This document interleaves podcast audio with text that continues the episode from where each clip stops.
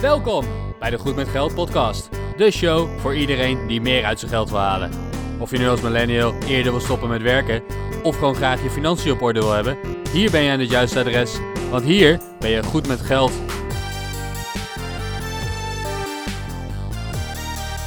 Welkom bij aflevering 12 van Goed met Geld. Ik ben Bas van firetheboss.eu. En ik ben Arjan van stoppenvoormijn50ste.nl.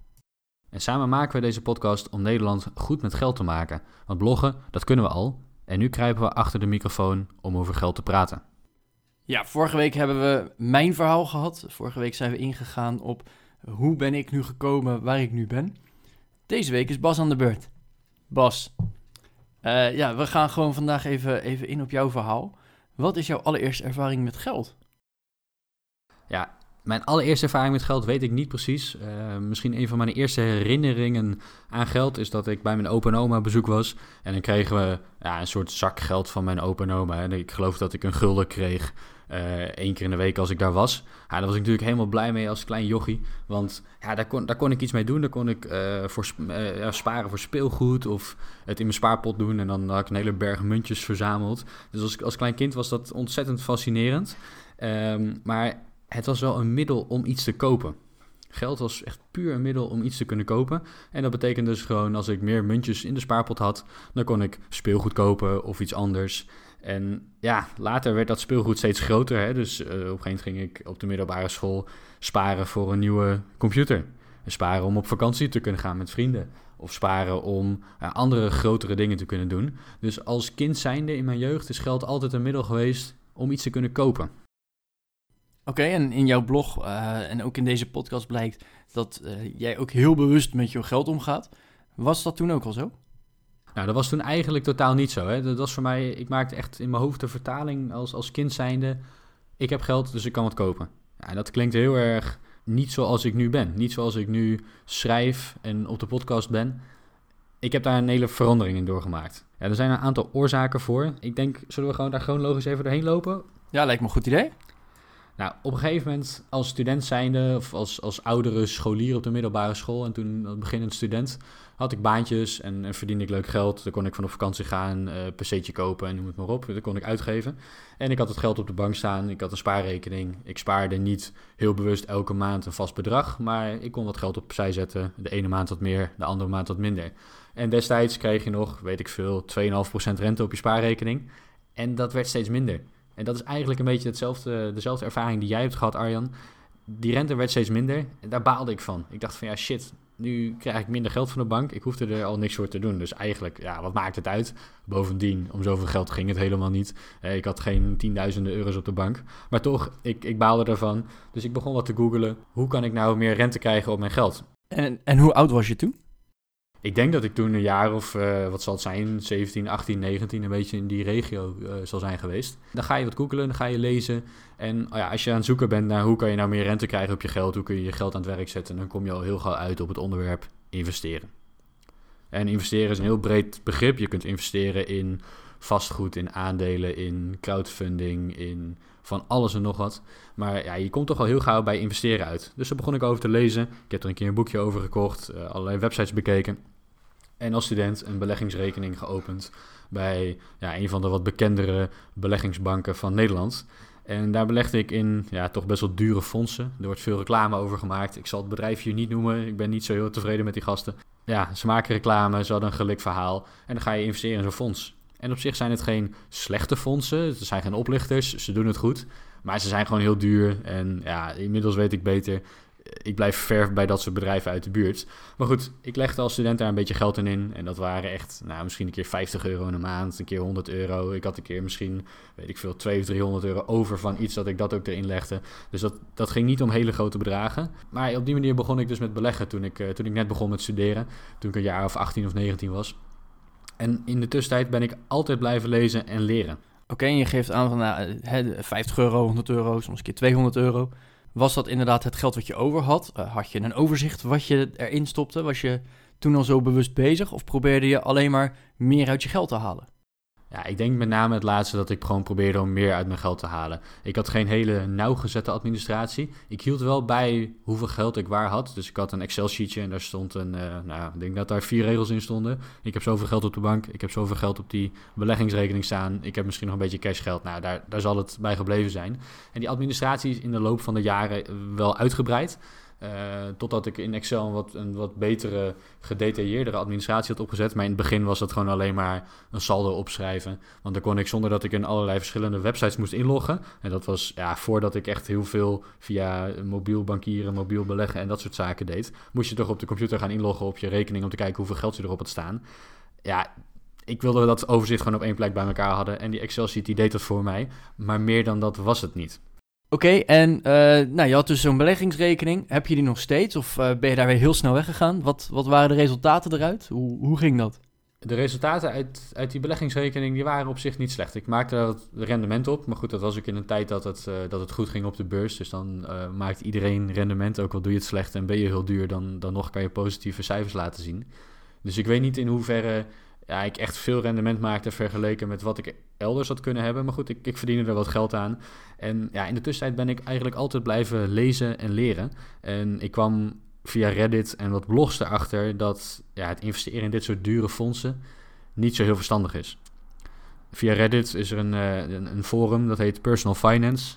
En ja, daar wordt mensen, uh, ja, ik verteld hoe ze goed met geld kunnen zijn. Leden stellen vragen, reageren op elkaar. Er ontstaan leuke discussies. Maar een van de, ja, een van de belangrijkste dingen is al investeer niet in dit soort hele dure, actief beheerde fondsen. Andere subreddit over financial independence, die zeiden hetzelfde. Doe dat nou niet. Zorg dat je in betere fondsen investeert. In uh, hele goedkope indexfondsen. Dus daar ben ik eens over na gaan denken. En ik ben eens gaan kijken in de documenten van, van de bank waar ik toen belegde. En ik dacht van shit, ja, ik betaal hier gewoon meer dan 2% aan kosten elk jaar over mijn beleggingswaarde. Dus als de markt 7% rendement geeft, dan krijg ik maar 5% ervan. Ja, dat, dat vond ik echt wel een heel slecht idee. Dus ik ben op dat moment daar weggegaan. Ik heb misschien een jaar of, of twee jaar een, een rekening daar gehad. En inmiddels uh, doe ik dat niet meer. Zit ik bij een goedkope online broker in hele goedkope indexfondsen van, uh, ja, van fondshuizen, vermogensbeheerders, zoals Vanguard en, en BlackRock iShares. Uh, ja, waar ik toch een stukje goedkoper kan beleggen. Oké, dat klinkt goed. En toen was je denk ik dus een jaar of twintig. Ik denk dat ik misschien iets langer heb gedaan dan die twee jaar. Nu ik zo over nadenk, begin 20. Ik denk dat ik uh, een jaar of 23, 22, 23 zal zijn geweest inderdaad toen ik, toen ik echt die omschakeling heb gemaakt, ja.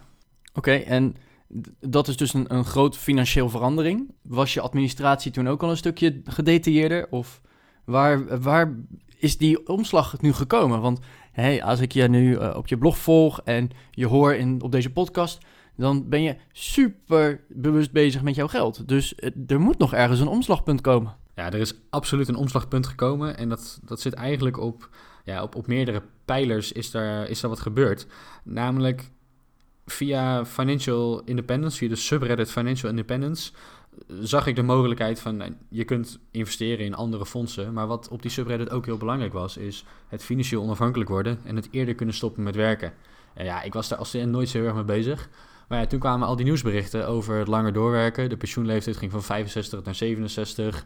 Voor de jongere generatie naar 70 plus. Ik geloof dat het voor mij bijna 72 is. En toen dacht ik bij mezelf, dit is toch wel een slecht idee. dus dat is een van de... Een van de momenten geweest waardoor ik dacht, ik moet beter met mijn geld omgaan, want tot mijn 72 werken, ja, dat, dat zie ik gewoon echt niet zitten.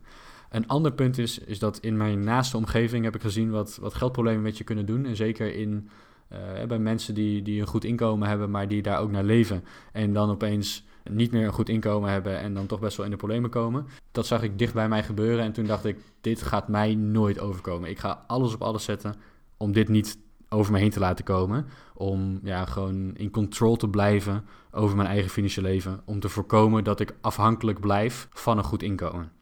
Dus eigenlijk die twee zaken hebben ertoe geleid dat ik veel meer met mijn financiën bezig ben gegaan. Dat ik nog meer ben gaan lezen. Dat ik ben gaan investeren in goedkopere fondsen. Dat ik een uh, nauwgezette administratie ben gaan bijhouden. om, ja, om financieel onafhankelijk te kunnen worden en eerder te kunnen stoppen met werken. Wellicht, dat is leuk. Op mijn blog zeg ik, ik wil op mijn veertigste kunnen stoppen met werken. Dat is heel ambitieus. Ehm, misschien haal ik het, misschien niet. Dat maakt me eigenlijk niet zo heel veel uit. Het is een doel dat ik heb gesteld om ervoor te zorgen dat ik knijterhard mijn best doe. En als ik het niet haal en het wordt 50, kom op, dan ben je nog steeds eerder klaar dan 99% van alle mensen. Dus ja, eh, die, die 40 die ik op mijn blog noem, dat is meer een, een, doel dat ik voor mezelf stel om te zorgen dat ik daar heel hard aan kan werken. Maar en ook van zorgen dat ik niet tot mijn 72ste door hoef en nooit in de financiële shit terechtkom. Ja, dus als ik je eigenlijk een beetje goed, uh, laten we het even samenvatten. Je bent gewoon een soort van bang. Bang inderdaad om uh, tot je 72ste te moeten werken. We weten nog niet eens, we zijn ongeveer even oud. Uh, we weten allebei nog niet tot wanneer we nou precies moeten werken. En aan de andere kant bang om de rekening niet te kunnen betalen. Ja, zo zou je het misschien wel kunnen zeggen. Um, ik, ik ben niet bang dat ik de rekeningen niet kan betalen. Maar waar ik misschien wel een beetje bang voor ben, is dat er allerlei zaken kunnen gebeuren die buiten je invloedssferen liggen. Waardoor jij in de penarie kan, uh, kan komen. Je kunt je baan kwijtraken. En dan krijg je in Nederland gelukkig wel een uitkering. Maar die stopt op een gegeven moment. En wat dan? En als je dan net een duur huis hebt gekocht en je hebt een dure auto voor de deur staan, die je eigenlijk niet meer kan betalen, en dan gaat het opeens heel hard achteruit met je spaargeld. En dan kan je toch best wel in de, in de problemen terechtkomen. Ook in een rijk land als Nederland met het vangnet dat wij hebben. Ja, dat, dat is heel vervelend. Dat heeft een enorme impact op je leven. Dat zijn, dat zijn hele negatieve uh, consequenties die daar, die aanhangen. En ja, echt bang ben ik daar niet voor, maar ik probeer de controle te houden uh, dat mij dat niet gebeurt. En dat wat er ook gebeurt, dat als ik mijn baan kwijtraak, dat ik geld op de bank heb. Dat ik misschien nog uh, meerdere inkomstenstromen heb. Dat ik op die manier goed met geld bezig ben, waardoor wat er ook gebeurt in mijn leven, dat je die tegenslagen kunt opvangen. Ja, en dat je, dat je de baas blijft over je eigen leven. Ja, dus, dus dan is bang misschien niet het goede woord. Je wil graag zelf de touwtjes in handen hebben. Uh, en niet afhankelijk zijn van externe factoren waar je echt gewoon niks aan kan doen. Precies. Helder.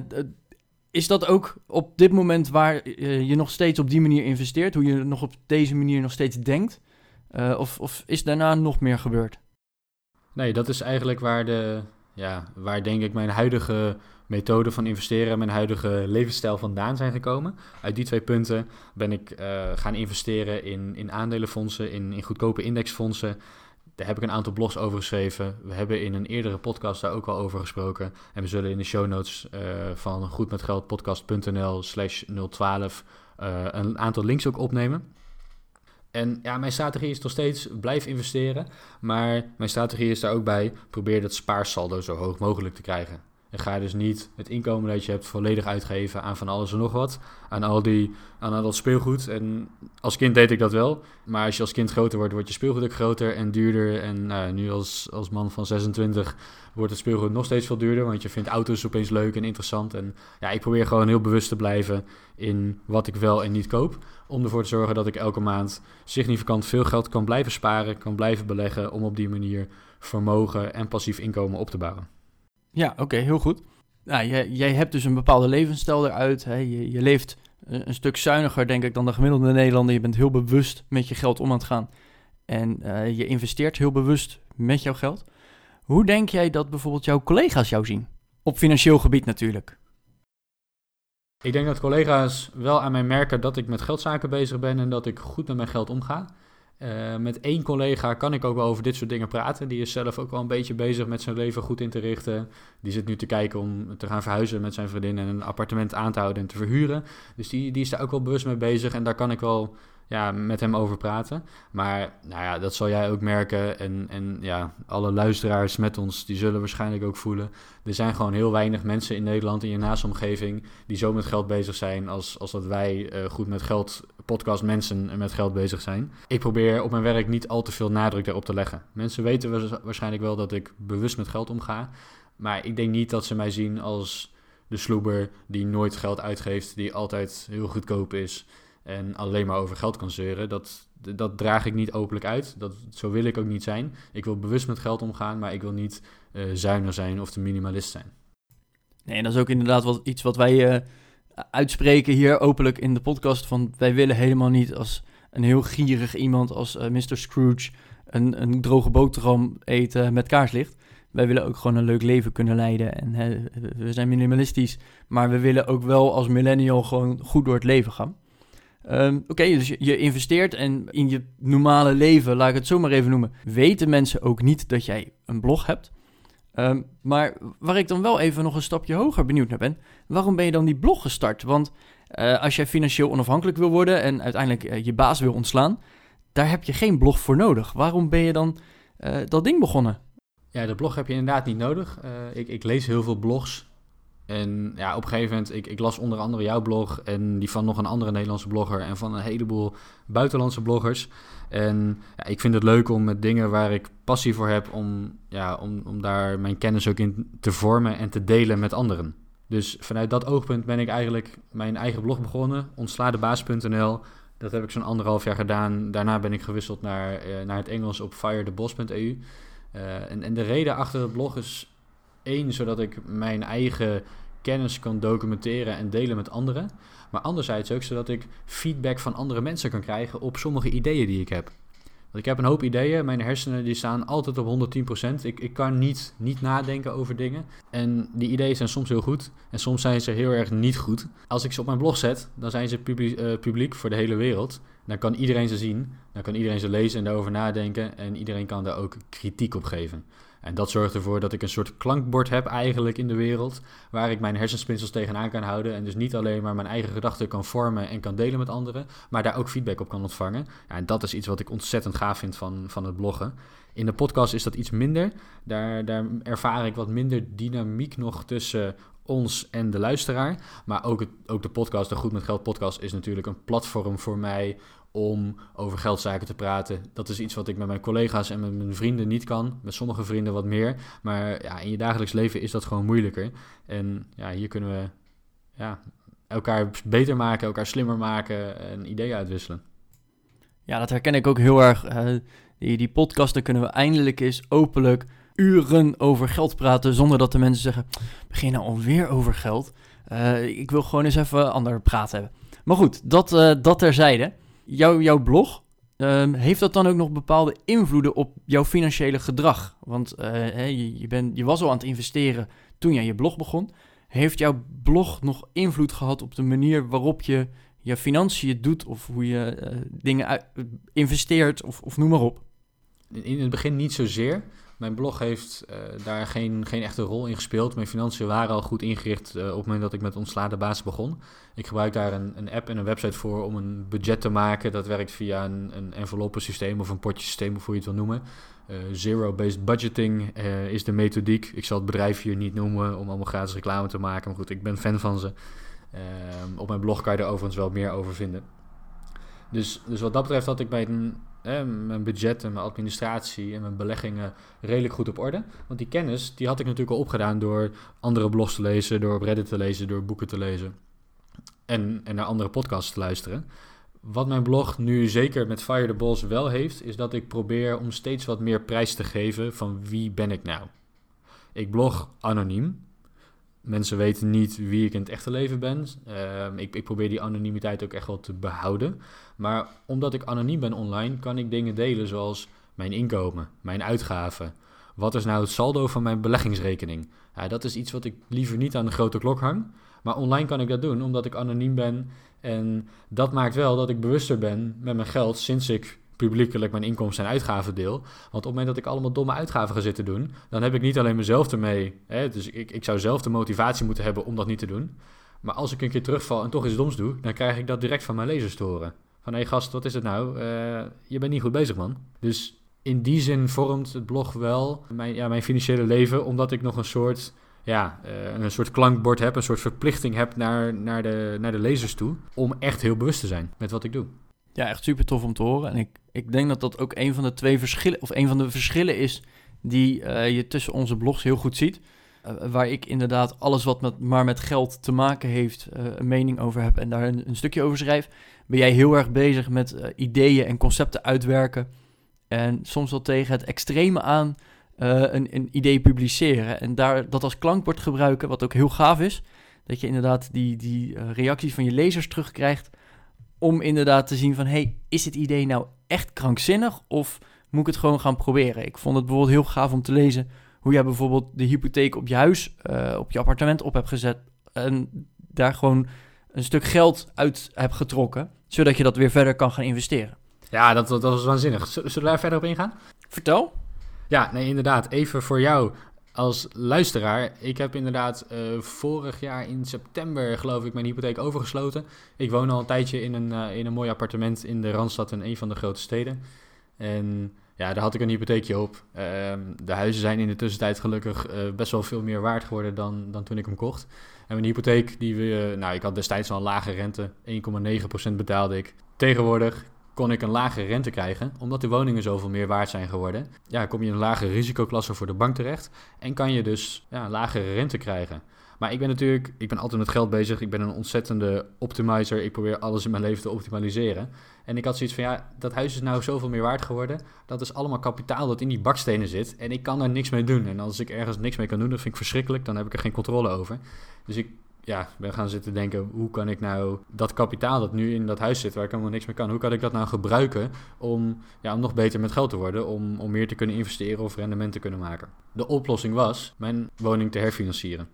Niet alleen kon ik daarmee de rente omlaag brengen van 1,9 naar 1,4 procent, wat natuurlijk een hartstikke mooie besparing is. Ik kon ook een additionele hypotheek opnemen en nog steeds in een hele lage risicoklasse blijven. En gewoon dat cashgeld op de bank krijgen om voor investeringen te kunnen gebruiken en om te kunnen sparen voor de aanschaf van, uh, van eventueel een tweede uh, stuk vastgoed om, ja, om dat weer te gaan verhuren, et cetera. Dus op die manier ben ik eigenlijk altijd heel creatief bezig geweest van hoe ga ik nou met mijn geld om. En niet alleen met het geld dat ik nu heb, maar ook met geld waar ik aan kan komen. Probeer ik heel creatief te zijn ja, om, om beter met geld te worden. Dat idee dat heb ik een keer op mijn blog uh, neergezet. Daar kwamen reacties op van, jongen, jongen, zou je dat nou wel doen? En, oh, het is allemaal weer, uh, dit is weer zoals 2008 was. Tot aan mensen die zeiden van, ja, wacht even, dit is, hier zit je misschien wel op een goed punt. Dit is wel een idee waar, we wat mee, waar je wat mee zou kunnen. Want ja, je hebt kapitaal in je woning zitten, je hebt een inkomen. Ook als je de ook als je de hypotheek verhoogt, zit je nog steeds in een lage risicoklasse. Toen ik herfinancierde, zat ik nog op, uh, inclusief de verhoogde hypotheek, op 79% van de woningwaarde. Dus wat dat betreft, veel buffer in de woningwaarde. Met mijn inkomen kon ik lasten makkelijk dragen. En zelfs na het herfinancieren betaal ik minder euro's rente dan in mijn vorige hypotheek. Ja, voor mij was dat echt een win-win. Best wel controversieel voor mensen die zeggen: Nou ja, je moet eigenlijk geen schulden hebben en niet met uh, geleend geld gaan beleggen en zo ja, voor mij was het een win-win. Dat heeft best wel wat mensen um, ja, misschien geschokt op, op mijn blog. Ja, dat zijn wel de dingen waar ik mee bezig probeer te zijn. Ja, en inderdaad, waar jouw lezers het soms uh, controversieel of misschien tot wel in de extreme noemt, is het ook gewoon natuurlijk super creatief om op die manier wel aan geld te komen. Wat in principe ook gewoon van jou is. Dus uh, hele creatieve hersenspinsels vooral die uh, regelmatig op jouw blog terugkomen. Heb jij toevallig ook alvast een uh, sneak preview van jouw huidige hersenspinsel, wat uh, binnenkort gepubliceerd gaat worden? Misschien niet eentje die binnenkort gepubliceerd gaat worden, maar ik, ik ben op dit moment best wel bezig met wat meer met lifestyle zaken. Met sporten, met eten, met gezond bezig zijn, met leuke dingen doen, met reizen, nou noem het allemaal op. Met allerlei zaken die misschien niet direct met geld te maken hebben, maar wel voor mij met financiële onafhankelijkheid.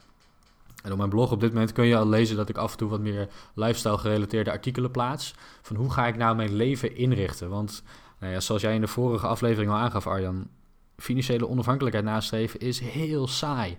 Echt, echt waar, het is, het is te saai voor woorden en het is heel moeilijk om daarover te blijven bloggen jaar in jaar uit. Jij doet dat door allerlei zaken die met geld te maken uh, te hebben aan te raken in je blog, om daarover te schrijven. En ja, mijn blog is heel financieel gericht. Ik probeer wat meer richting de, ja, richting de financieel onafhankelijke levensstijl ook te gaan. Want ja, als je eenmaal begonnen bent met financiële onafhankelijkheid, in het begin is het allemaal heel spannend en nieuw en interessant. Maar als je alles op de rit hebt en je budget staat, je administratie staat, je beleggingen gaan automatisch elke maand, dan hoef je er eigenlijk niks meer aan te doen. En ja, je zou dus een keer kunnen kijken of je je huis kunt herfinancieren. Maar buiten dat soort activiteiten om is ja, de, het, het geldaspect is eigenlijk heel saai. Het is de boring middel noemen ze het wel. En ja, voor mij is geld maar een middel om onafhankelijk te kunnen worden. En om, om, die, om die veiligheid voor mezelf te kunnen garanderen. En daarnaast wil ik natuurlijk gewoon een, een leuk leven hebben. En dat probeer ik op mijn blog ook wel een beetje uh, terug te laten komen in de laatste paar uh, artikelen. En ik blijf zeker over geld bloggen. Ik blijf over investeren bloggen. Ik vind aandelen waanzinnig interessant. Ik vind vastgoed waanzinnig interessant. Maar ja, er zullen ook artikelen gaan komen die iets minder op geld gericht zijn en iets meer op de financieel bewuste levensstijl. Ja, inderdaad heel interessant. Wij komen binnenkort in de boring middle, inderdaad, zoals dat aangegeven wordt. Uh, je hebt alles op de rit en het enige wat je nu nog moet doen is veel geld verdienen en investeren. En gewoon wachten tot je genoeg hebt. Dus uh, ik, ik snap heel goed inderdaad dat je daardoor ook wat, wat meer in de, de, de verschillende aspecten van bijvoorbeeld levensstijl en, en al dat soort zaken gaat kijken. Waar ik dan wel benieuwd naar ben, en dat is de laatste vraag voordat wij bij de vijf vragen gaan komen. Um, de laatste vraag, wat, je gaat binnenkort op vakantie, je gaat naar Amerika met je vriendin samen. Wat voor impact heeft dat dan op bijvoorbeeld jouw financiën? En hoe lang heb je er wel niet over na moeten denken om inderdaad de knoop door te hakken dat je dat gaat doen? Oh man, echt ontzettend lang. Uh, ik vind Amerika een waanzinnig land. Ik ben er twee keer geweest voor mijn werk. Twee keer een, uh, een kleine week. Ja, waanzinnig. Het is het land van de uh, onbegrensde mogelijkheden, maar ook het land van de onbegrensde idioterie. Nou, iedereen die het nieuws volgt, die zal weten waar ik het over heb. Ik zal niet al te veel politiek proberen te zijn in deze podcast, maar nou ja, goed. Ik denk dat we daar het met z'n allen wel redelijk eens over kunnen zijn. Maar Amerika is ook een, ook een waanzinnig land waar, waar heel veel te beleven valt, waar veel te zien valt. En ja, een land dat ook best wel een significante rol heeft gespeeld natuurlijk in onze geschiedenis. Nou, dat vind ik interessant. Mijn vriendin vindt dat ook super interessant. En ja, we willen gewoon steden ontdekken, musea gaan zien, uh, noem het maar op. Dus we willen naar Amerika. En dan ga je kijken naar vluchten en die zijn duur, man. Dat is echt niet grappig. Je betaalt zo 800 of 900 euro voor een vlucht. Volgende week hebben wij een, een gast in de, in, de, in de show die iets gaat vertellen over hoe je nou goedkoper kan vliegen. Ik heb daar een andere route voor gevonden. Ik vlieg met mijn KLM Flying Blue Miles heel goedkoop naar Amerika. Mijn vriendin en ik betalen ieders zo'n 170 of 180 euro voor een retourtje naar Amerika, een directe vlucht met KLM. Het restant betaal ik via mijn Flying Blue Miles en die heb ik gespaard door zakelijk veel te reizen, in hotels te slapen via de KLM, huurauto's te regelen via de KLM. En ja, dat maakt dat zo'n reisje toch een stukje goedkoper wordt. Ja, ik ga op een dure vakantie, maar ik probeer daar ook weer creatief mee om te gaan, waardoor ik niet zoveel geld kwijt hoef te zijn. Dat doen we ook met het verblijf. Je kunt in een hotel gaan zitten, je kan naar eh, booking.com gaan of naar een andere hotelsvergelijkingssites. Je kent ze vast wel. En daar gewoon het eerste de beste hotel in Midtown Manhattan in New York opzoeken. Ja, daar betaal je veel geld voor, kan ik je vertellen. Zeker in de vakantieperiode. Dat is echt niet grappig. Amerika is heel duur om te slapen. Je zou ook via Airbnb kunnen kijken of er nog iemand een slaapkamer over heeft in zijn eigen appartement. Dat scheelt een hoop geld. Dus op die manier probeer ik heel creatief te zijn. Ook als ik een dure vakantie doe. Om ja, nog steeds veel geld uit te geven, daar niet van. Maar in ieder geval minder geld uit te geven dan wat je standaard zou doen. Want je kan heel makkelijk 5.000, 6.000 euro uitgeven met z'n tweeën als je twee weken op pad gaat. Ja, wij proberen daar toch echt wel significant onder te blijven. Nou, ik ben heel veel blij om te horen dat je heel bewust dan inderdaad weer op vakantie gaat ja, je geeft dus een stuk minder uit, maar je wil nog steeds dezelfde beleving hebben als uh, iemand die inderdaad 6.000, 7.000 euro uitgeeft om even een paar weken naar Amerika te gaan. Eh, goed om te horen dat je, dat je op die manier gaat reizen. Ja, en ik denk dat we hiermee toch wel een beetje aan het einde van deze podcast uh, zijn gekomen. Dankjewel voor je openheid en voor het vele delen. Um, nu gaan we dan toch echt naar de vijf vragen. Wij hebben bij het, het nieuwe seizoen of de nieuwe aflevering hebben we een aantal vragen bedacht die we aan elke gast in ieder geval gaan stellen. Um, dus ook jij moet eraan geloven. Dus de eerste vraag, wat is nou jouw grootste financiële blunder? Mijn grootste financiële blunder is het beleggen in producten die gewoon echt veel te duur zijn. En het is niet dat dat mij heel veel geld heeft gekost, want destijds belegde ik nog geen tienduizenden euro's. Maar ja, het, het, is gewoon zonde, weet je. Het is een super inefficiënte manier van je geld aan het werk zetten. Moet, moet je gewoon niet doen. Uh, veel van geleerd, maar ja, dat is toch gewoon blunder geweest. Ja, ik ben bang dat heel veel van onze luisteraars en in ieder geval van Nederland uh, daar ook uh, in de fout is gegaan om inderdaad in de verkeerde dingen te investeren die gewoon te veel kosten. Oké, tweede vraag. Um, alles wat je nu kan en welke kennis je hebt, hè, wat zou je, welk onderdeel zou je nou willen kiezen dat je dat vijf jaar eerder al had of kon? Bloggen, zonder twijfel. Ik zou echt vijf jaar eerder gestart willen zijn met bloggen. In mijn werk ben ik veel bezig met, uh, met ICT en data en bedrijfskunde en hele harde zaken eigenlijk. En bloggen zorgt ervoor dat ik een hele andere skill stack ontwikkel. Daar heb ik een leuk artikel over geschreven trouwens, dus zullen naar link ook in de show notes. Maar ja, dat zorgt ervoor dat, ik, dat mijn kennis heel erg uitbreidt. Hè. Ik, ik heb iets geleerd over websites bouwen en onderhouden, over zoekmachine marketing, over bloggen, over hoe schrijf je nou goede artikelen. Want het, ja, ergens over praten is één ding, maar het goed op papier krijgen is nog een ander ding. Ehm, als ik mijn eerste paar blogs teruglees, dan denk ik van, oh man, dat, dat ziet er zo slecht uit, dat leest voor geen meter. Dat is een skill die ik echt wel eerder had willen oppakken. Ja, is ook inderdaad wel heel herkenbaar. We hebben natuurlijk al bij onze blog en inderdaad het onderhouden van zo'n website, het sneller maken van zo'n website, maar uh, ook bijvoorbeeld, hoe vindt Google jou nou? Dat is hele interessant inderdaad en dat uh, goed antwoord om dat inderdaad vijf jaar eerder te, te willen hebben. Waar zie je jezelf over vijf jaar staan? Ik zie mezelf over vijf jaar misschien wel in het buitenland staan. Ik heb best wel de ambitie om nog een keer in het buitenland te gaan werken voor een aantal jaar. Gewoon om die ervaring op te doen. Als student heb ik dat eigenlijk nooit gedaan. Dat, daar, daar had ik zo mijn redenen voor op dat moment. Uh, om, om een semester niet in het buitenland te gaan studeren of een minor niet in het buitenland te doen. Achteraf gezien best wel wat spijt van. Voor mijn werk reis ik heel veel. De andere culturen werken, waanzinnig gaaf. En ik zou over een paar jaar misschien toch wel in het buitenland willen zitten om daar een aantal jaar te werken. Cool, cool. Nou, inderdaad, voor jouw werk zit je sowieso al af en toe in het buitenland. Dus maar inderdaad een langere periode, dat zou uh, een, een, hele mooie ervaring denk ik ook inderdaad kunnen zijn. Ja, je hebt, uh, tijdens dit interview heb je ook al aangegeven, nou, ik, je bent aan het lezen geweest, je hebt wat boekjes gekocht, je hebt wat websites en podcasts eh, bezocht en geluisterd, gehoord. Reddit was je een, een flinke bezoeker van. Zijn er nou ook nog bronnen die je nu nog niet genoemd hebt en waarvan jij zegt, nou, onze luisteraar die moet echt die bron eens kijken of luisteren of zien. Eh, want daar staat zoveel waardevolle informatie, daar kan je nog heel veel van leren. Ja, dat is een bron die niet heel erg financieel gericht is misschien. De naam Jocko Willink. We zullen naar hem linken in de podcast. Een Amerikaanse oud-militair en tegenwoordig uh, adviseur over leiderschap en ja, persoonlijke ontwikkeling. Hij heeft een podcast, elke week een uur of drie, drieënhalf soms. Waanzinnig lang, ontzettend diepgaande gesprekken. Maar zijn podcast is goud. Echt waar. Als je interesse hebt in, in leiderschap, persoonlijk leiderschap, jezelf verbeteren, intrinsieke motivatie ontwikkelen en ergens hard voor gaan, luister naar zijn podcast. Waanzinnig, echt waar. Als je er tijd voor hebt en de interesse in hebt, doen. Ja, super goede tip. Ik ken hem nog niet, dus ik ga hem ook zeker even opzoeken. Ja, en de laatste vraag, en dat is een hele lastige, want die willen we aan elke gast stellen. Uh, wat is jouw advies aan de luisteraar uh, op het gebied van? En uh, over het algemeen vragen we natuurlijk op het gebied van waar we je zojuist over hebben geïnterviewd, of waar je heel goed in bent, of wat je expertise is.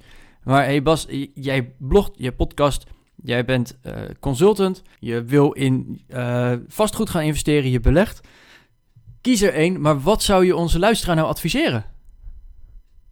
Ik zou de luisteraar willen adviseren om een, om een stapje terug te nemen.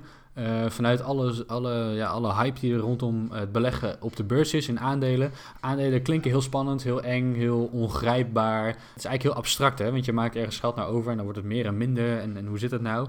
Maar neem eens die stap terug aandelen zijn niet eng, ze zijn niet zo spannend. Lees een keer, de, lees je daarover in, lees een goed boek, lees een paar goede artikelen op het internet en begin gewoon. Zorg ervoor dat je dat doet bij een broker die weinig kosten rekent en zorg dat je belegt in fondsen die een hele brede spreiding hebben en weinig kosten hebben. En begin gewoon eens met een 100 euro per maand of een paar honderd euro eenmalig. Ga gewoon eens kijken hoe het werkt, wat het met je doet. Beginnen, dat is het allerbelangrijkste. Ja, super goede tip inderdaad. Uh, nou, Bas, ik wil je bij deze bedanken voor je openhartigheid, voor alle informatie die je met ons hebt gedeeld. Uh, wij hebben elkaar natuurlijk al hele, vele malen via de telefoon en via de podcast gesproken, ook in de voorbereidingen op, op de podcast. Uh, maar zelfs ik heb nog nieuwe dingen van je geleerd, dus uh, dank hiervoor. Alle linkjes en opmerkingen die wij hier hebben gemaakt, die vind je in onze show notes. Deze show notes die vind je op www.goedmetgeldpodcast.nl slash 012, aflevering 12. Dus uh, daar staan al deze linkjes en kan je inderdaad even terugzoeken. Wat hebben die twee gasten nou precies gezegd en waar staat die informatie dan? Verder kan je ons helpen. Uh, dat is heel belangrijk. Je kan ons helpen door een review te geven of uh, een korte reactie te achter te laten op iTunes, Spotify of welke podcastaanbieder dan ook. Daarmee laat je ook deze aanbieders weten dat je het leuk vindt om naar ons te luisteren en dat je het ook inderdaad leuk vindt op de hoogte gehouden te worden. Verder kan je uh, je natuurlijk ook abonneren op deze podcast via de website of via deze podcastaanbieders. Maar ook op onze eigen blogs. Uh, Bas die vind je op www.firedebos.eu. En mijn blog, mijn blog vind je op www.stoppenvoormijn50ste.nl. Dank voor het luisteren en word ook goed met geld samen met ons. Uh, tot volgende week. Tot volgende week.